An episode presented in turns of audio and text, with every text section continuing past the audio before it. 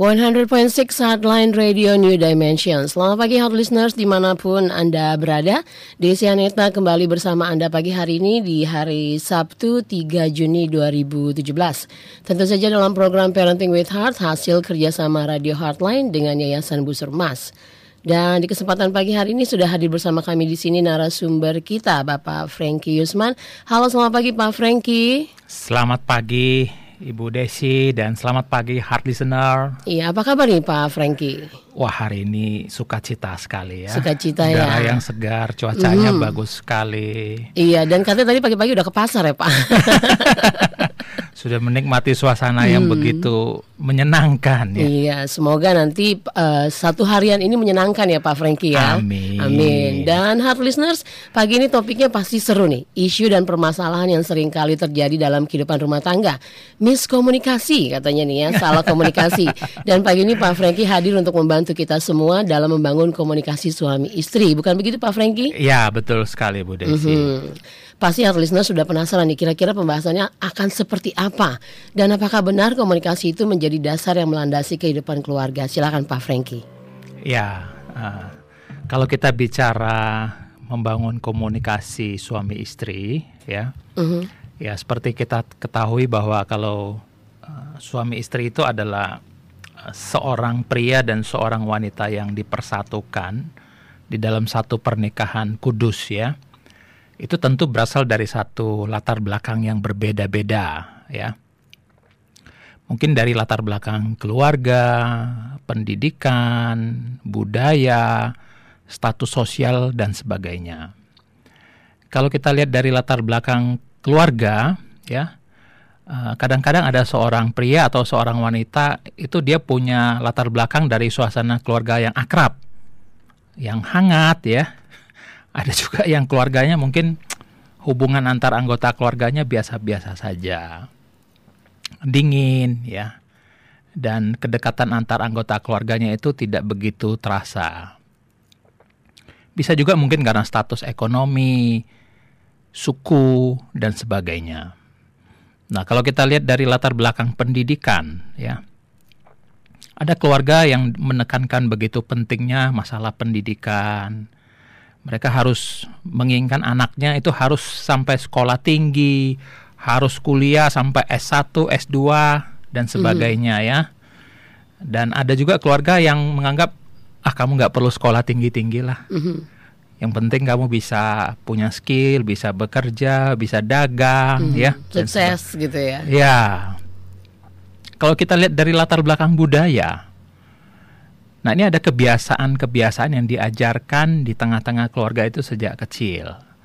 Tradisi yang berlangsung selama kita hidup di tengah-tengah keluarga ya, sebelum kita membentuk keluarga sendiri. Termasuk orang tua kita ketika mendidik kita. Nah itu tentu punya latar belakang yang berbeda masing-masing.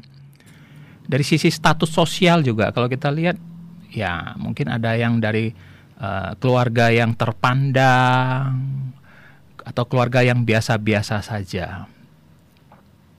Nah, latar belakang dan pengalaman hidup seseorang di dalam satu keluarga intinya itu akan terbawa ketika mereka masuk di dalam pernikahan, mm-hmm. ya. Jadi ada pakar komunikasi keluarga yang mengatakan bahwa sebetulnya masalah yang terjadi di dalam pernikahan itu bukan terjadi ketika mereka melangsungkan pernikahan dan setelah itu. Mm-hmm. Tidak. Tapi masalah yang terjadi di dalam hubungan suami istri sebetulnya telah terbentuk ketika mereka kecil, ketika mereka dewasa di tengah-tengah keluarga inti mereka. Mm-hmm. Nah, oleh karena itu masalah latar belakang ini hal yang sangat penting sekali dan ini akan membentuk pola komunikasi yang terjadi ketika seorang suami dan seorang istri masuk di dalam keluarga. Jadi komunikasi ini bisa dalam bentuk macam-macam ya, tentunya uh, dalam bentuk verbal, misalnya uh, ucapan ya, non verbal misalnya ada body language, bahasa tubuh dan sebagainya. Bisa juga komunikasi yang dilakukan secara langsung ya, tatap muka. -huh ataupun komunikasi tidak langsung yang sekarang banyak digunakan ya yeah. melalui WA dan sebagainya. Ya itu kira-kira pertama kita harus melihat dulu latar belakang dari seorang suami dan seorang uh, istri yang berbeda-beda. Nah, kalau kita bicara komunikasi, poin yang sangat penting bagi kita adalah komunikasi itu menjadi dasar yang melandasi kehidupan keluarga. Mm. Kenapa itu menjadi dasar yang melandasi kehidupan keluarga? Karena banyak hal ya di dalam rumah tangga itu dapat terjadi oleh karena faktor komunikasi yang terjadi dan berlangsung dalam rumah tangga tersebut. Mhm. Salah satu sumber masalah yang sering menjadi penyebab timbulnya konflik, pertengkaran, ya, dalam rumah tangga, khususnya adalah antara suami dan istri itu adalah masalah komunikasi, ya. Uh, bicara tentang masalah dalam rumah tangga sebetulnya ada tiga hal utama, Bu Desi ya, Iya. yang menjadi sering kali sumber masalah di dalam hubungan suami istri atau di dalam rumah tangga. Yang pertama masalah komunikasi, kedua masalah keuangan, ketiga adalah masalah seks. Oke. Nah, pagi ini kita akan bicara tentang masalah komunikasinya. Mhm. Nah, kalau komunikasi tidak bisa berjalan dengan baik ya, ini bisa timbul satu faktor yang disebut dengan keabnormalan di dalam rumah tangga. Mhm. Jadi komunikasi itu hal yang sangat penting menjadi dasar dan landasan di dalam kehidupan suami dan istri di dalam rumah tangga, ya. Faktor komunikasi ini bisa membuat satu masalah menjadi kecil, bisa juga masalah kecil menjadi Jadi besar. besar, ya. betul. ya. Jadi komunikasi kalau berjalan dengan baik, maka banyak masalah di dalam rumah tangga itu bisa ditangani dengan Mhm. baik, ya. Tapi kalau komunikasi tidak berjalan dengan baik, ya, maka situasi ketidaknormalan, keabnormalan dalam Mhm. keluarga ini dapat terjadi, ya. Eh, contoh yang sederhana saja, ya contohnya. Misalnya seorang istri dia dibesarkan di tengah keluarga yang dididik dengan bicara agak keras, Mhm. ya. Ini biasanya orang-orang yang tinggal di tepi pantai. Oh gitu.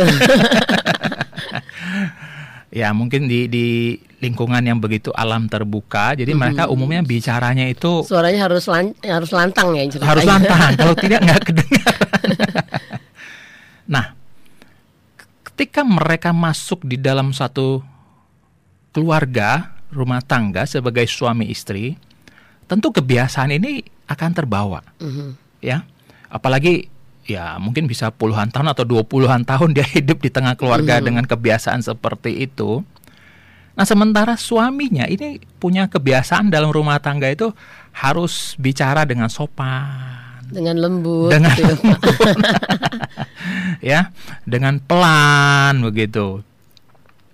Nah, ketika mereka masuk dalam rumah tangga, istri ini kan sudah terbiasa bicara keras, Mhm. bicaranya eh, cepat gitu. Maka suami ini bisa timbul persepsi yang keliru, persepsi yang salah. Mhm. Ketika istrinya bicara keras, suaminya beranggapan apa? Wah, ini istri saya sedang marah. Padahal enggak ya, memang gaya bicaranya seperti itu ya Pak. Nah, ini ini ini contoh komunikasi yang sangat-sangat Iya. sederhana sekali sebetulnya ya. Jadi masalah komunikasi ini memang hal yang sangat penting sekali. Ketika kita bangun pagi, kita sudah melakukan komunikasi. Mhm. Mau tidur juga kita Iya, berkomunikasi sepanjang juga. Iya. hari sepanjang hidup kita. Mhm. Ya. Nah, kalau kita bicara komunikasi di tengah-tengah keluarga, itu adalah satu gambaran, satu video kehidupan bagi anak-anak. Mhm.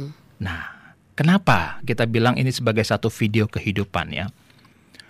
Komunikasi suami dan istri dalam rumah tangga ini kan didengarkan oleh anak-anak, disaksikan, ditonton ya. Apa yang diucapkan oleh papanya, Mhm. oleh mamanya ya. Anak-anak itu kan langsung live ya. Iya. live.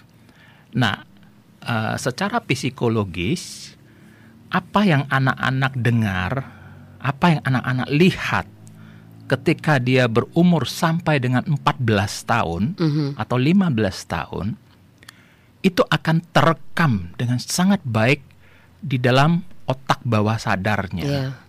Sehingga apa yang dia lihat, dia tonton, dia saksikan, dia dengar itu akan melekat di dalam kehidupannya untuk satu jangka waktu yang cukup panjang.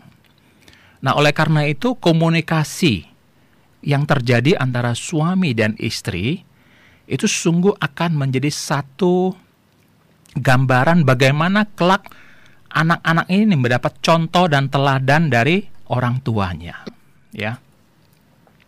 Apa yang dilakukan oleh papanya, apa yang dilakukan oleh mamanya, ya.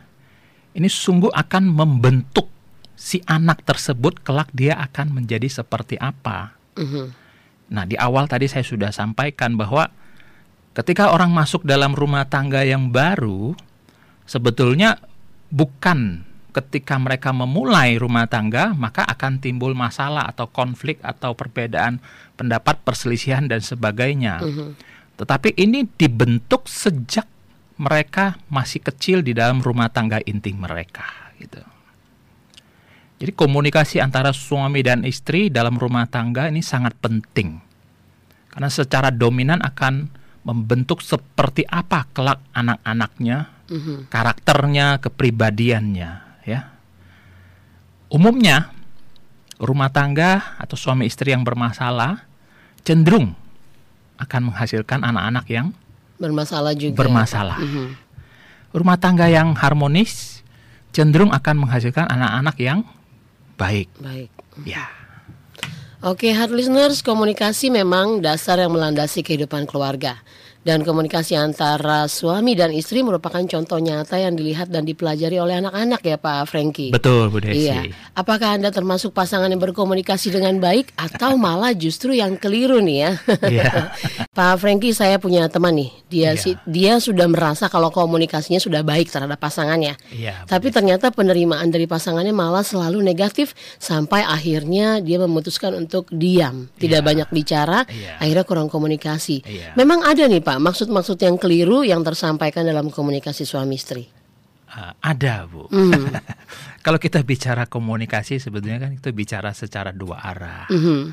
Jadi kadang-kadang seperti yang Ibu Desi sampaikan, uh, suami sudah beranggapan dia sudah do the best, melakukan yang terbaik ini. Tapi ternyata Dalam persepsi suami itu sudah yang terbaik. Ternyata dalam persepsi istrinya tidak seperti Iya. itu. nah, nah oleh karena itu memang dalam kehidupan suami istri itu memang ada beberapa pandangan-pandangan yang keliru ini Mhm. yang terjadi ketika mereka melakukan komunikasi. Nah, saya akan memulai dari pandangan dari istri ya. Mhm, iya. Ya. Uh, ladies first lah. ya. Ladies first. Ini pandangan yang keliru istri dalam berkomunikasi dengan suaminya.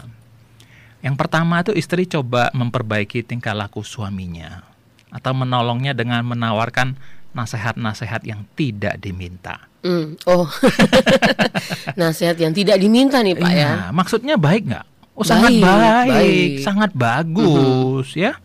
Istri kan punya kewajiban ini ya. Wah dia lihat mungkin ada hal-hal yang nggak pas dari suaminya kan. Mhm. Nah istri punya maksud seperti itu. Nah di sinilah suami itu akan merasa dia tidak dicintai Mhm. ya. Karena merasa, merasa istrinya itu tidak percaya sama dia. Mhm. Dan istri itu harus mengerti juga bahwa pada dasarnya suami itu tidak suka dinasehati. Oh gini. Ini udah udah harga mati belum nih Pak? Pada hakikatnya tidak suka diberi nasihat nih. Eh, begini, mungkin harus lihat eh, situasi dan kondisi ketika mereka eh, berinteraksi seperti apa. Mhm. Kalau nasihat-nasihat yang tidak diminta, ya kecenderungan dari suami itu biasanya memang dia tidak suka untuk dinasehati, Mhm. gitu. Kecuali kalau suaminya yang Meminta ya. meminta. Nah, gitu. Nah, poin yang kedua, pandangan yang keliru dari istri ya dalam berkomunikasi dengan suaminya adalah istri mencoba mengubah tingkah laku suaminya dengan menyampaikan kekesalan hatinya. Kita tidak bisa rubah orang loh. Mhm. Bukan hanya rubah pasangan hidup kita saja, tapi pada prinsipnya kita tidak bisa merubah sikap orang lain ya. Mhm. Nah, hal ini bagi suami ini akan menunjukkan bahwa istrinya tidak bisa menerima dia sebagaimana apa adanya. Mhm. Nah, ini sering kali pandangan-pandangan ini sadar atau tidak sadar terjadi di tengah-tengah rumah Iya. tangga. Nah, yang ketiga adalah istri tidak menghargai apa yang dilakukan suami bagi dia, melainkan mengeluh atas apa yang tidak dilakukan suaminya. Mhm. Nah, ini tidak sedikit terjadi loh ya. Iya. Kadang-kadang suami sudah mencoba melakukan yang terbaik, tapi istri masih merasa kurang. istri masih merasa, wah yang ini belum, yang itu belum. Nah ini, jadi istri tidak menghargai apa yang dilakukan oleh suaminya.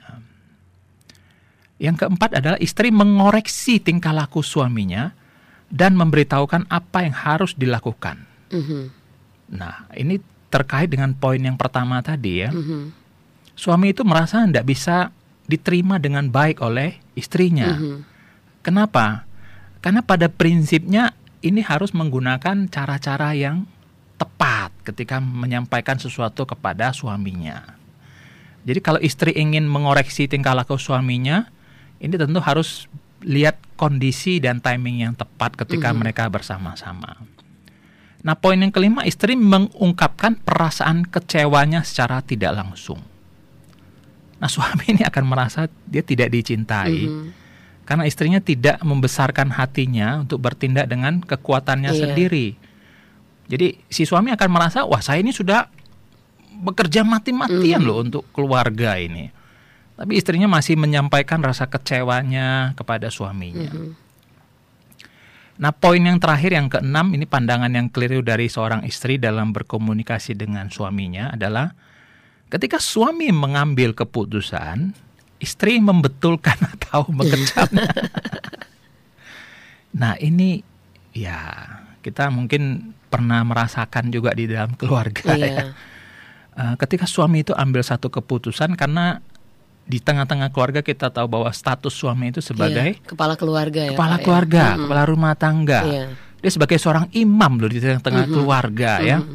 Jadi suami itu merasa istrinya sudah menarik kembali persetujuannya dan suami tidak lagi merasa sebagai pemimpin dalam Iya. rumah tangga. Nah, ini yang harus kita perhatikan, harus kita waspadai dalam hal berkomunikasi khususnya bagi istri ya terhadap suaminya. Mhm. Nah, kalau kita bicara istri saja nggak fair ya, Bu Desi. ya. Iya dong, suaminya juga. Nah, kalau kita bicara dari sisi suami, ya, pandangan yang keliru dari seorang suami dalam berkomunikasi dengan istrinya, ya. Yang pertama, suami tidak mendengarkan istrinya. Wah,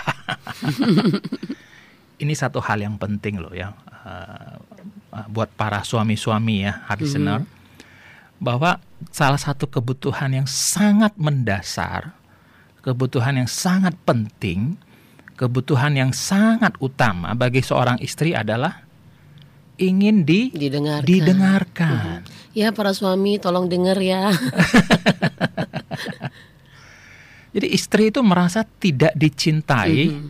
kalau suaminya tidak menaruh perhatian dan tidak menunjukkan bahwa dia peduli, dia bisa mendengarkan apa yang ingin disampaikan oleh istrinya. Mhm. Ya mungkin kita sudah sering mendengar ya bahwa kebutuhan berbicara itu bagi wanita itu sangat besar Sangat sekali, besar, sangat ya. penting sekali. Jadi ini menjadi poin yang sangat penting oleh kita semua sebagai suami ya khususnya Mhm. untuk sediakan telinga untuk mendengar istri. Apa pun yang ingin disampaikan ya. Sekalipun memang banyak hal suami-suami sudah mengerti. Sebetulnya ujung-ujungnya istrinya mau bicara apa, Mhm. suami sudah mengerti. Tetapi kita sebagai suami harus menyediakan telinga untuk mendengar. Mendengar. Poin yang kedua adalah suami mengartikan perasaan istri secara harafiah dan mengoreksinya. Apa Mhm. maksudnya ya? Eh, suami menganggap istrinya itu ingin minta penyelesaian karena itu dia memberi nasihat. Istri merasa bahwa dia tidak paham karena istri ini bicara kadang-kadang wanita ini kan suka tidak to the point. Beda dengan suami, ya. Kalau wanita kadang-kadang bicaranya uh, secara harafiah, ada hal-hal mm -hmm. yang sebetulnya ingin dia tuju tapi tidak langsung kepada yeah poinnya. poinnya. Nah, ini kadang-kadang yang harus diperhatikan juga oleh para suami ya. Harus bisa mengerti sebetulnya inti utama itu ada di mana. Mm -hmm. Poin yang ketiga adalah suami mendengarkan tapi kemudian menjadi marah dan menyalahkan istri karena mengecewakan mm -hmm. atau karena membuatnya patah semangat. Mm -hmm. Nah, ini terkait dengan poin yang pertama tadi ya.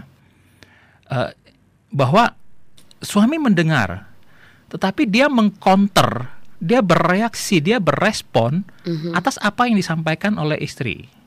Sebetulnya yang dibutuhkan oleh istri itu apa? Suaminya mendengar, mendengar sebetulnya. aja, nggak iya. usah merespon. Betul. itu yang kadang-kadang harus dipahami bahwa sebenarnya yang diperlukan oleh istri terhadap suaminya apa? Dengar aja. Mm-hmm. Oh iya, oh iya, oh begitu, oh seperti itu, oh iya. Nah, itu sudah poin yang cukup yeah. begitu. Jadi tidak perlu ketika istri menyampaikan unek-uneknya bercerita, mm -hmm. wah kamu jangan seperti itu, wah, nah malah, malah disalah-salahin ya pak ya. Betul. Hmm. Nah ini yang harus dipahami oleh para suami-suami bahwa ketika istri menyampaikan isi hatinya, menyampaikan unek-uneknya, ya janganlah marah atau berespon yang negatif. Poin yang keempat adalah suami menganggap anak dan atau pekerjaan lebih penting. Nah, hmm. ini banyak terjadi kan di kota kota besar yeah. ya. Pergi pagi, pulangnya pulangnya udah pada hampir tidur nih. Kapan komunikasinya ya Pak ya? Iya.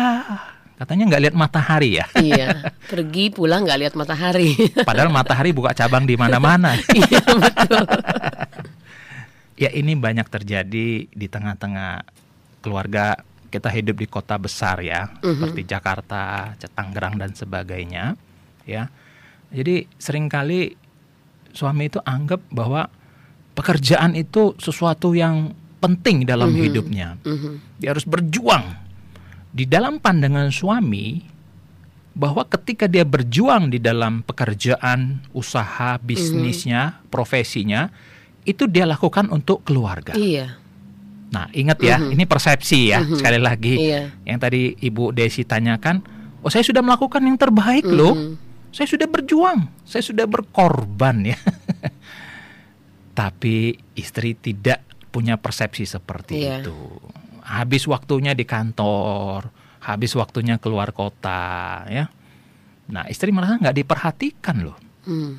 Istri merasa, wah ini komunikasinya kurang gitu, ya Istri merasa tidak dihormati sebagai orang yang istimewa dalam hidupnya. Termasuk anak ini. Hmm. Kadang-kadang suami juga menganggap anak itu lebih lebih penting. Lebih penting lebih iya. utama. Tapi sebenarnya persepsi itu tidak salah ya Pak Franky ya? Tidak salah. Mm-hmm. Dari sisi sang suami. Ya. Betul. Nah itu tadi, ya kan? kita mengerti bahwa ketika suami dan istri sudah masuk di dalam satu pernikahan kudus, mm-hmm maka yang utama, terutama dalam hidup seorang suami itu adalah istri. Mm-hmm. Yang terutama dalam hidup seorang istri adalah suami. Suami, yeah. ya. Urutan selanjutnya baru anak. Mm-hmm, yeah. nah, poin yang kelima adalah bila istri marah, suami menjelaskan mengapa dia benar dan mengapa istri tidak boleh kecewa. Nah, jadi ini terjadi satu uh, interaksi di mana ketika istri berespon secara negatif ya, maka suami juga akan mengcounter. Nah, maka si istri akan merasa suami itu tidak menghargai perasaannya. Uh -huh. Dan membuat dia merasa bersalah dan tidak disupport oleh Suami. suaminya. Uh -huh. Nah, suami suami harus bisa mengerti ya uh, bahwa ketika istri berespon yang dibutuhkan secara utama itu adalah apa? Mm-hmm. Mendengar. Mm-hmm. Mendengar, menyimak, memperhatikan dengan baik.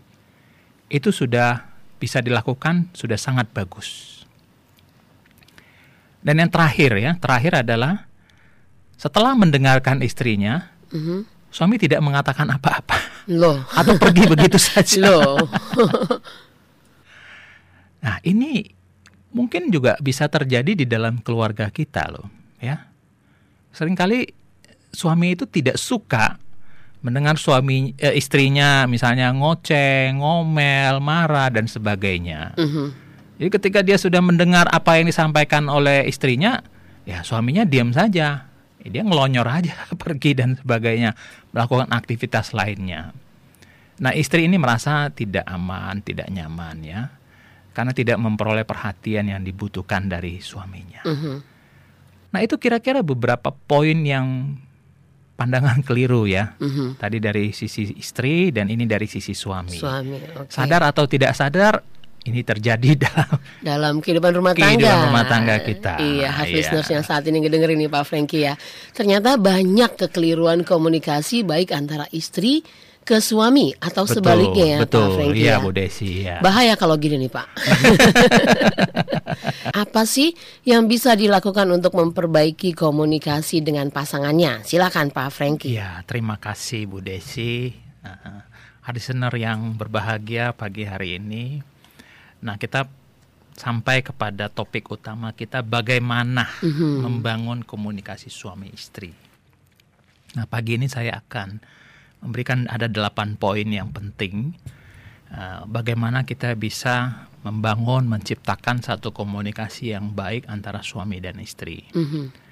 Yang pertama adalah kita harus menyadari bahwa ada perbedaan cara berkomunikasi seorang pria atau suami dan wanita atau istri. Mhm. Ini poin yang pertama loh. Kita harus mengerti itu berbeda. Berbeda ya cara berkomunikasinya ya Pak. Iya. Mhm.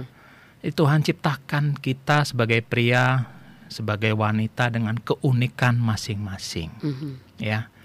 Termasuk dalam berkomunikasi kita juga memiliki keunikan tersendiri. Mhm. Ya, saya ambil satu contoh misalnya ya. Kalau seorang wanita menangis ketika dia merasa terharu atau bahagia, sering ya kita lihat Mhm. uh, wanita, wih tiba-tiba menangis ya. Iya, saya nonton film aja bisa nangis loh. Nah, itu baru nonton film loh. Iya. Ya. iya. Atau baca sesuatu, mendengar sesuatu bisa tiba-tiba menangis ya. Iya. Nah, sedangkan kalau pria yang menangis, apa artinya? Hmm, nanti dianggap lemah gitu ya Pak ya. Eh cengeng loh. Mhm. Wah ini cowok yang lemah ini. Sensi gitu ya. Nah ini kita harus pahami bahwa Tuhan memang ciptakan suami atau pria dan wanita atau istri itu memang berbeda di dalam hal cara berkomunikasi. Mhm. ya. Poin yang kedua, kita harus memahami, mengerti dan menerima apa adanya. Mhm. Ya, pasangan hidup kita itu tidak bisa memenuhi semua apa yang kita inginkan. Iya. Nah ini begitu juga sebaliknya kita juga nggak bisa loh Mhm. memenuhi Betul. semua apa yang diinginkan oleh pasangan, kita. Iya. Ya, oleh karena itu kita harus belajar untuk saling memahami. Artinya dengan segala kekurangan, Iya. segala hal-hal yang tidak terpenuhi, ya kita belajar saling mengerti, saling menerima keberadaan pasangan hidup kita apa adanya, Mhm. bukan ada apanya. Sekarang seringnya gitu nih Pak. Ah. Bukan ada, justru sekarang tuh ada apanya gitu loh Pak. ini memang gampang diucapkan Mhm. ya. Tapi ini ada satu proses waktu kita harus belajar menerima pasangan kita, mengerti, memahami dan menerima dia seperti apa adanya, Mhm. termasuk di dalam hal berkomunikasi ini. Poin yang ketiga, ini yang tidak kalah pentingnya, jujur dan terbuka. Ya. Ini sangat penting sekali, ya. Ungkapkanlah apa yang Anda rasakan, apa yang Anda ingin sampaikan kepada pasangan Anda secara jujur dan terbuka. Hmm. Enak tidak enak, suka tidak suka, hal-hal yang menyenangkan atau hal-hal yang tidak menyenangkan. Mhm. Ketika mereka sudah sebagai suami istri, ini harus disampaikan secara terbuka, harus dikatakan secara jujur. Nah, tetapi ada catatannya. Kita harus melihat kondisi atau keadaan pasangan kita. Mhm. Bagaimana suasana hatinya? Jangan ketika dia suasana hatinya tidak sedang dalam kondisi yang nyaman, Ditambahin sama omongan yang negatif. nah bagaimana emosinya, Mhm. ya? Nah, ini penting sekali loh. Bagaimana situasi emosi dari uh, pasangan hidup kita ini kita harus bisa mengerti juga. Bagaimana kondisi moodnya, ya, perasaannya, keadaannya. Nah, ketika kita menyampaikan apa pun secara jujur dan terbuka, maka kondisi tersebut harus kita perhatikan. Poin yang keempat, ini sering terjadi ini. Hmm. Jangan merasa paling benar. Dan pasangan kita selalu Salah. salah, ya. Mhm. Ya, ini. Suami jangan merasa benar. Saya ini pemimpin loh. Hmm. Saya ini bos. Saya ini kepala rumah tangga. Jadi selalu benar gitu ya. Iya, kan ada peraturannya bos tidak pernah Iya, bersalah. betul itu nomor satu. Nomor dua, jika bos bersalah, Balik lagi ke nomor satu. berlaku peraturan. Iya, jadi suami jangan merasa dia paling benar dan pasangannya selalu dianggap Mhm. salah. Sebaliknya juga begitu, ya. Ada istilah kan, wife always Right. right. Dia nggak pernah left ya. jadi istri juga jangan selalu merasa benar, ya. Wah, saya sebagai istri loh, saya yang benar, suami mesti ngalah. Mhm. Iya. Nah, jadi harus balance lah kedua-duanya ya. Nah, poin yang kelima ini ya. Ini juga penting sekali ini dan tidak sedikit terjadi dalam rumah tangga. Jangan membandingkan pasangan kita dengan Yang lain. orang lain. Hmm, bahaya itu. Wah, ya. Eh, ini penting buat kita semua eh, para heart listener yang berbahagia ya bahwa orang yang dibanding-bandingkan itu akan merasa sangat sakit loh Mhm. ya. Mungkin kalau kita pernah merasakan kita tahu ya. Wah, istri saya kalau dibanding sama si Anu seperti ini loh. Hmm. Suami saya aduh di kantor jabatannya cuman biasa-biasa. Suami si Anu itu Iya. manajer, direktur dan sebagainya ya. Nah, pasangan hidup kita itu akan merasa tersakiti loh. Mhm. Ketika kita bandingkan dia dengan orang-orang yang lebih pinter, lebih baik. Oh, lebih cantik si Anu, istrinya. Suaminya lebih ganteng loh. Lebih pinter cari uang, lebih perhatian dan sebagainya, ya. Nah, setiap orang memiliki keunikan dan kelebihan dan kekurangannya masing-masing, ya. Jadi, dalam berkomunikasi ingat jangan pernah membanding-bandingkan pasangan kita dengan orang lain. Poin yang keenam adalah suami harus mendengarkan. Jadi bukan hanya mendengar loh ya. Mhm. Beda ya. Listen and hear itu Iya, beda. betul. Mendengarkan dan mendengar itu memang bahasa Indonesia sangat Iya, bagus iya, ya. betul. Suami eh, mendengarkan istrinya Mhm. dan istri menghargai Suami. suaminya. Ya ini konsep yang sangat bagus sekali ya. Ini ada kunci komunikasi yang harmonis di dalam rumah tangga. Jadi suami harus menyediakan telinga yang mendengarkan istrinya. Karena banyak hal yang istri ingin ungkapkan kepada suaminya melalui berbicara itu sebagai ungkapan perasaan, rasa cinta kepada suaminya. Dan istri juga harus menyadari bahwa suami itu membutuhkan penghargaan, membutuhkan rasa hormat dari istrinya. Mhm. Nah, ini yang penting dan diperhatikan oleh para suami dan oleh para istri bahwa kebutuhan dari suami itu adalah ingin dihargai, ingin dihormati. Mhm.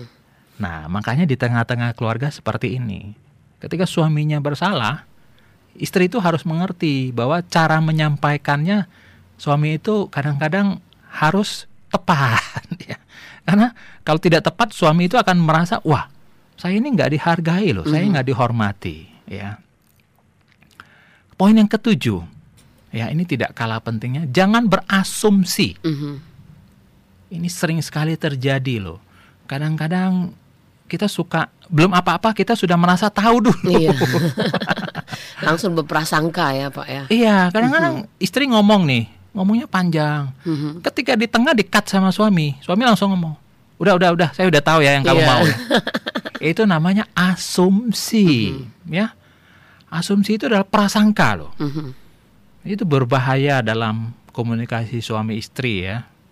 Karena asumsi itu sesuatu yang belum tep- belum tentu benar, Iya. belum tentu tepat ya.